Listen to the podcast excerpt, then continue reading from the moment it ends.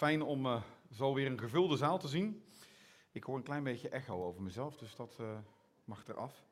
Um, ik wil met jullie vanmorgen kijken naar Psalm 1. En normaal heb ik altijd de Bijbeltekst op de beamer, maar dat ben ik vergeten. Dus daar hoef je ook niet op te zoeken.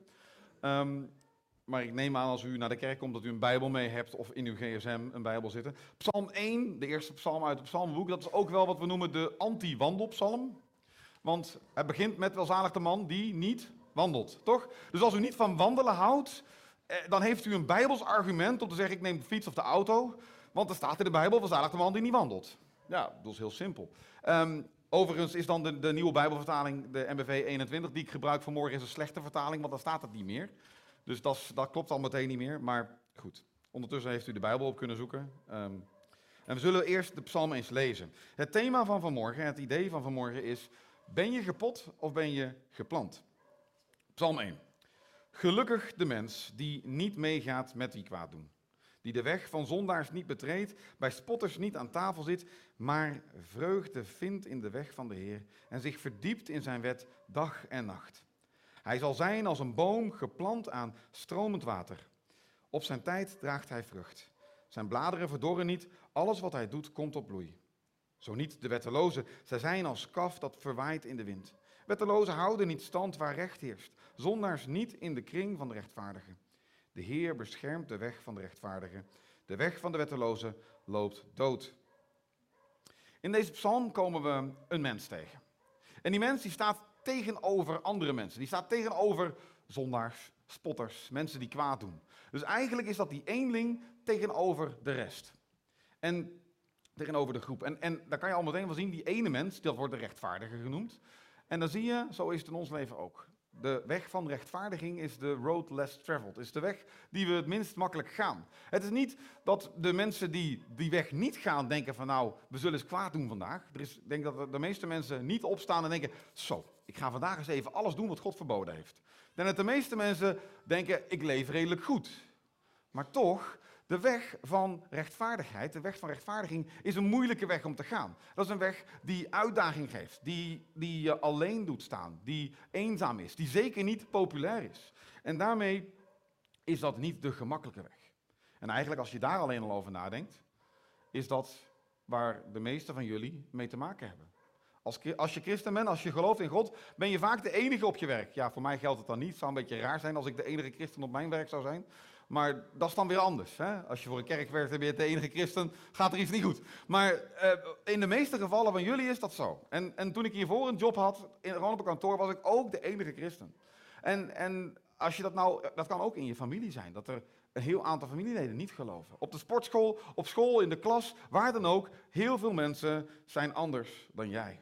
En dat betekent dat deze weg tegen de stroom ingaat. Dat, dat er groepsdruk kan ontstaan. Dat de maatschappij kan zeggen, kom in mijn kamp, kom bij mij, denk als ik.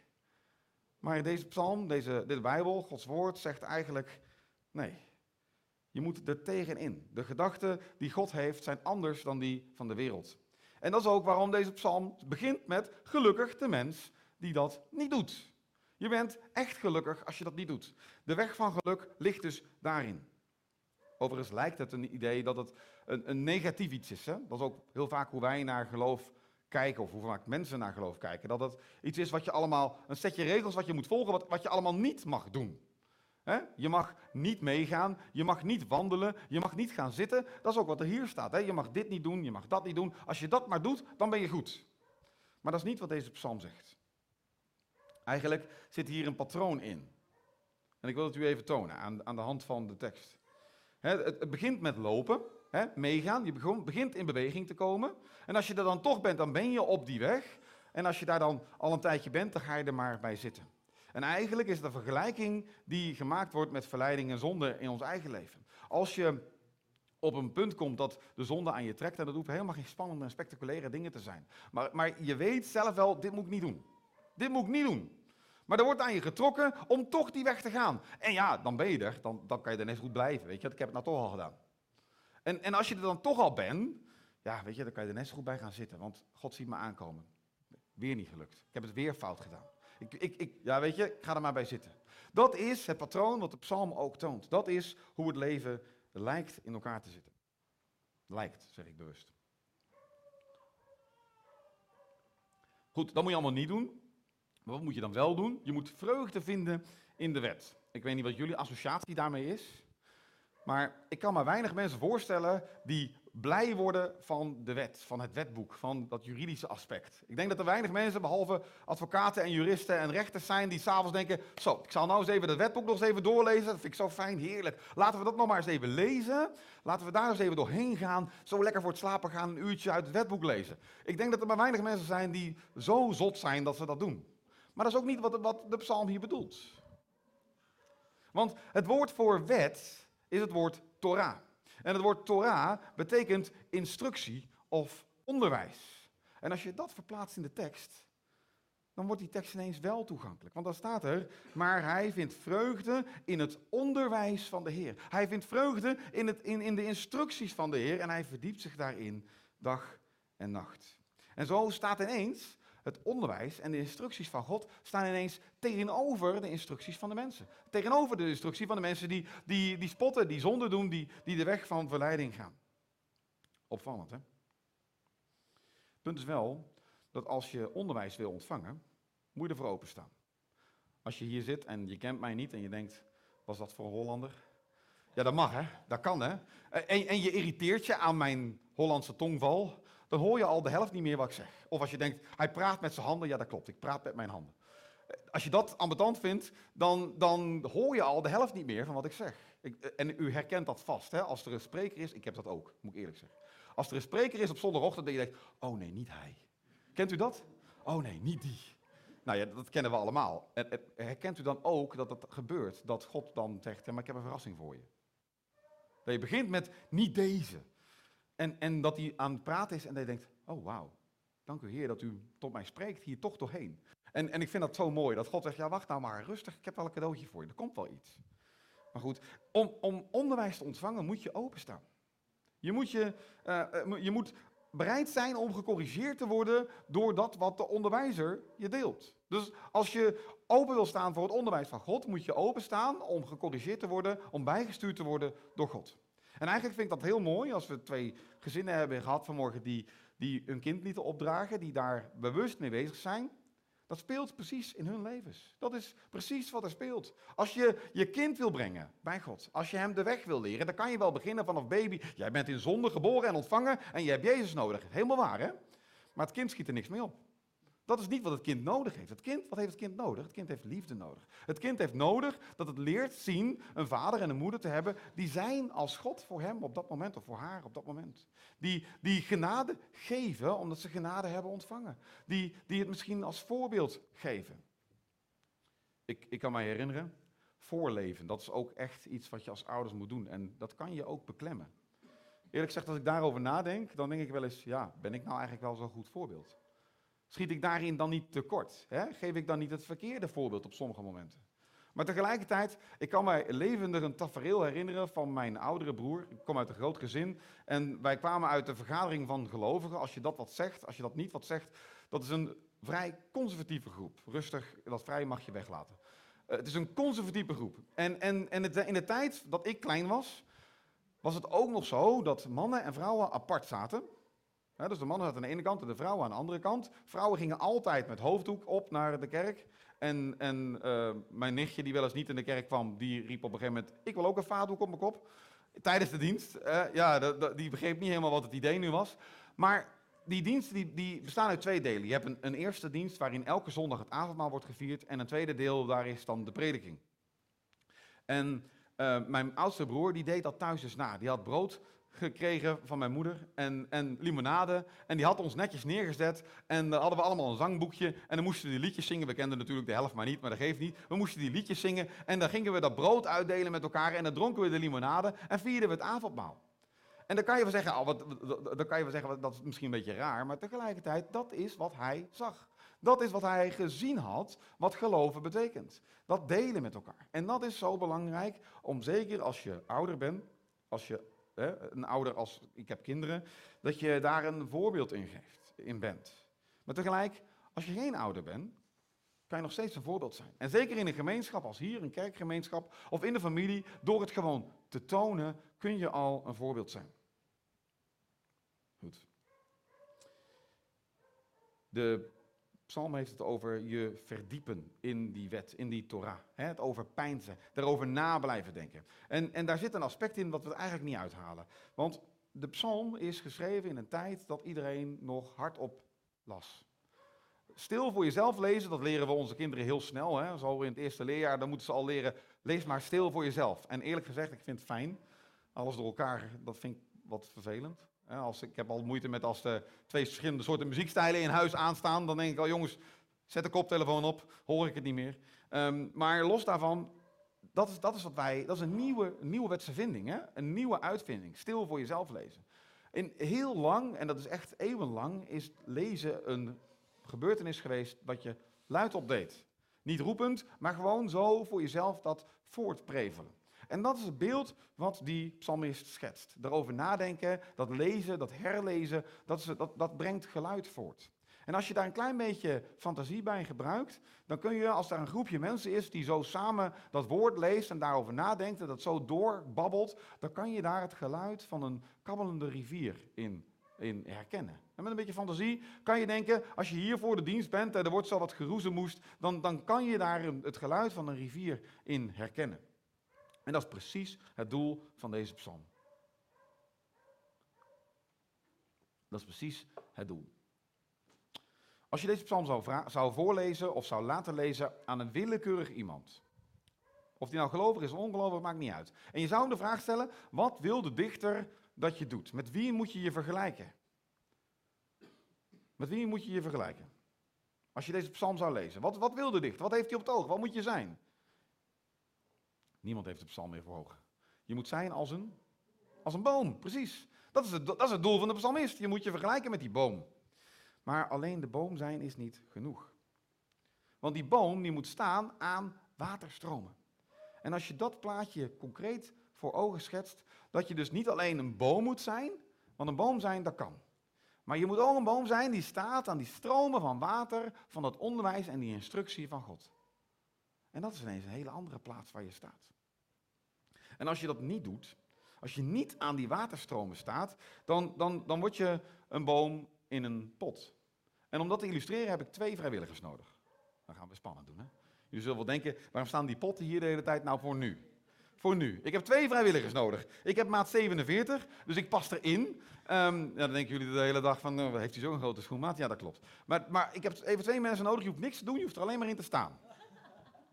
Ik ga geen water erbij gieten of zo, ik krijg geen wat natte schoenen. Maar ik heb wel twee, ik ga niet verder als er niemand komt, dus ja, dat is heel simpel. Hè? Dankjewel Anneke. Kijk. En nog iemand, de kans er is er alleen over de streep. Ja, merci. Ja, je mag erin gaan staan, je mag erin gaan staan. Want dat, dat geeft een illustratie, je mag er ook in gaan staan. Dat geeft een, een beeld van wat er nou bedoeld wordt. Kijk, dit is hoe wij vaak zijn. Heel vaak staan wij in ons eigen pot. En, en staan we niet meer bij die stromen van levend water, maar staan we in onze eigen pot. En als we dan naar de kerk komen of naar een conferentie gaan of wat dan ook, dan krijgen we zo'n heerlijk scheutje levend water. Hè? Dat, dat, dat, dat verfrist zo lekker. En, en dat, daar, daar, bloeien we van op en dat vinden we fijn. En een conferentie krijg je misschien wel een hele emmer. En dan denk je, oh help, ik moet zorgen dat ik niet verdrink. Hè? Maar, maar dat is een beetje het beeld. Maar wij kennen ook die periode dat we even niet kunnen gaan. Of dat we even de dienst langs over ons heen gaat, dat we er niks aan hebben. En, en, en dan komen we een beetje droog te staan. En wat doen we dan? Dan halen we water waar we het vinden kunnen, omdat we moeten toch water hebben. Dus dan gooien we er een beetje vuil water bij. En, en zo proberen we, zo goed als zo kwaad als het gaat, um, te blijven bloeien, te blijven groeien, te, in leven te blijven. Er is nog een nadeel van in een pot staan. Want die verbinding onderling kun je niet, ja, je staat een beetje wankel en je kunt geen verbinding maken. Als je wat dichter bij elkaar zou staan, dan kan je nog een beetje kietelen misschien. Hè? Dan kan je elkaar nog een beetje knuffelen. Dan kan je elkaar nog een klein beetje liefde en aandacht geven. Maar echte verbinding, die, die maak je niet meer. Hè? Dat lukt niet. En dan is het zo spannend om, om weer teruggeplant te worden aan die stromen van levend water. Maar dat is wel wat God wil. En je veilige omgeving verlaten, dat zie je al, hoe moeilijk het is om iemand in zo'n pot te, te, laten komen. Dat, die veilige omgeving verlaten, dat is spannend. Jullie mogen weer terug gaan zitten. De psalm heeft het over een boom die geplant is. En die boom is daar bewust neergezet. Hij is daar of als volle boom zo aan de kant van het water neergezet, of als zaailing daar terechtgekomen en opgegroeid en een boom geworden. Dat is de bedoeling, dat is Gods plan. Staan aan dat water van zijn onderwijs, staan aan dat water van zijn instructies. Dat is het doel, daar heeft God je precies voor bedoeld. Aan de buitenkant kan je niet zien waar een boom zijn kracht vandaan haalt. Je kan aan de boom wel herkennen of die gezond is of niet gezond is. Jan zal dat heel goed kunnen. Of een boom gezond is of niet, denk ik toch, dat je dan aan de buitenkant al een beetje kan zien. Maar de meeste mensen die kunnen langs een boom lopen en denken, ja, het is een boom. Voor de rest, ja, heeft bladeren. Is die gezond, is die niet gezond? Ik zou het niet weten. En, en dat is heel moeilijk om dat te herkennen. Maar onder de grond, die wortels, die gaan alle kanten uit. Op zoek naar dat water. En als je dan aan die stroom van het water staat, als je aan de stroom van het levende water staat, dan kun je die waterstromen van Gods woord, van Gods onderwijs, die kun je tot je nemen. Het resultaat is wel zichtbaar. En daar kun je ook aan de buitenkant zien of een boom gezond is. De psalmist zegt, hij is altijd groen. Zomer, winter, droog, nat. Die boom is altijd groen. Het zal blad houden, altijd. En dan is het geen dennenboom, maar hij zal wel altijd groen blijven. Dat is het beeld dat God geeft. En op zijn tijd draagt hij vrucht. En, en met die vrucht is ook iets. Want die vruchten, die zijn niet voor jezelf. Die vruchten zijn om uit te delen. Ik heb nog nooit, we hebben hier een vijgenboom staan, als er zo uh, in, in juli, zo ongeveer, uh, meestal juli, hè, zo eind juli, als die vijgen rijp zijn, dan heb ik nog nooit die vijgenboom zien, zien, uh, zien denken, zo, ik heb nou een paar rijpe vijgen, ik ga er eens een paar opeten. Nee, dat, die, zijn om uit te delen. En als je een buurman hebt die appelbomen hebben, wij hebben hier trouwens ook appelboompjes staan aan de voorkant. Vorig jaar hadden we wel geteld twee appels. En die werden er ook nog afgeschopt met een voetbal. Dus toen hadden we geen appels. Maar het lijkt erop dat het dit jaar ietsje beter gaat. Um, nou, dan hoop je, als je een goede oogst van appels hebt, dat je ze kunt uitdelen. En als je een buurman hebt met een appelboom, of meerdere appelbomen, ja, dan krijg je wel eens een paar appels toegeschoven. Hier, maak er een keer appelkompot van, of een lekkere appeltaart. Of, hè, doe er wat mee. Geniet ervan. Dat is de bedoeling, uitdelen. Dat is ook wat God bedoelt met die vruchten die je krijgt als boom. Die zijn bedoeld om uit te delen. En niet voor jezelf te houden. Dat is de bedoeling om dat uit te delen. Dan kun je je afvragen, misschien herkende je jezelf wel een beetje, dat je in zo'n pot je kunt terugtrekken en dat je niet meer aan die stromen van het levende water van Gods onderwijs staat. En misschien herken je er wel in, maar denk je, ja, hoe kom ik nou terug dan? Want dat is leuk bedacht, maar hoe kom ik dan terug aan die stroom van levend water? De sleutel zit in het laatste vers. Het laatste vers zegt, de Heer beschermt de weg van de rechtvaardigen. En de weg van de wetteloze loopt dood. Dat woord beschermen heeft een, heeft een, dubbele, uh, een dubbele component. Als je de oude Bijbelvertaling, de MBG 51 zou lezen of zo, dan zou er staan: De Heer kent de weg van de rechtvaardige. Dat is één. God weet waar je mee worstelt. God kent jouw weg. Hij kent waar je staat. Hij kent waar je tegenaan loopt. Hij weet als je in zo'n pot zit en denkt: Ik heb water nodig of ik moet terug aan die rivier, maar ik weet niet hoe. Hij weet ervan. En de tweede component van het woord is: Hij beschermt je. Hij zorgt voor je. Hij wil dat het je goed gaat. Frank Sinatra die zong het al, hè? I did it my way. Heel bekend liedje natuurlijk. Hè? Dat is ook het lied van de wereld eigenlijk. Van de, de, de onrechtvaardigen, zoals die psalm die scheiding zo mooi maakt.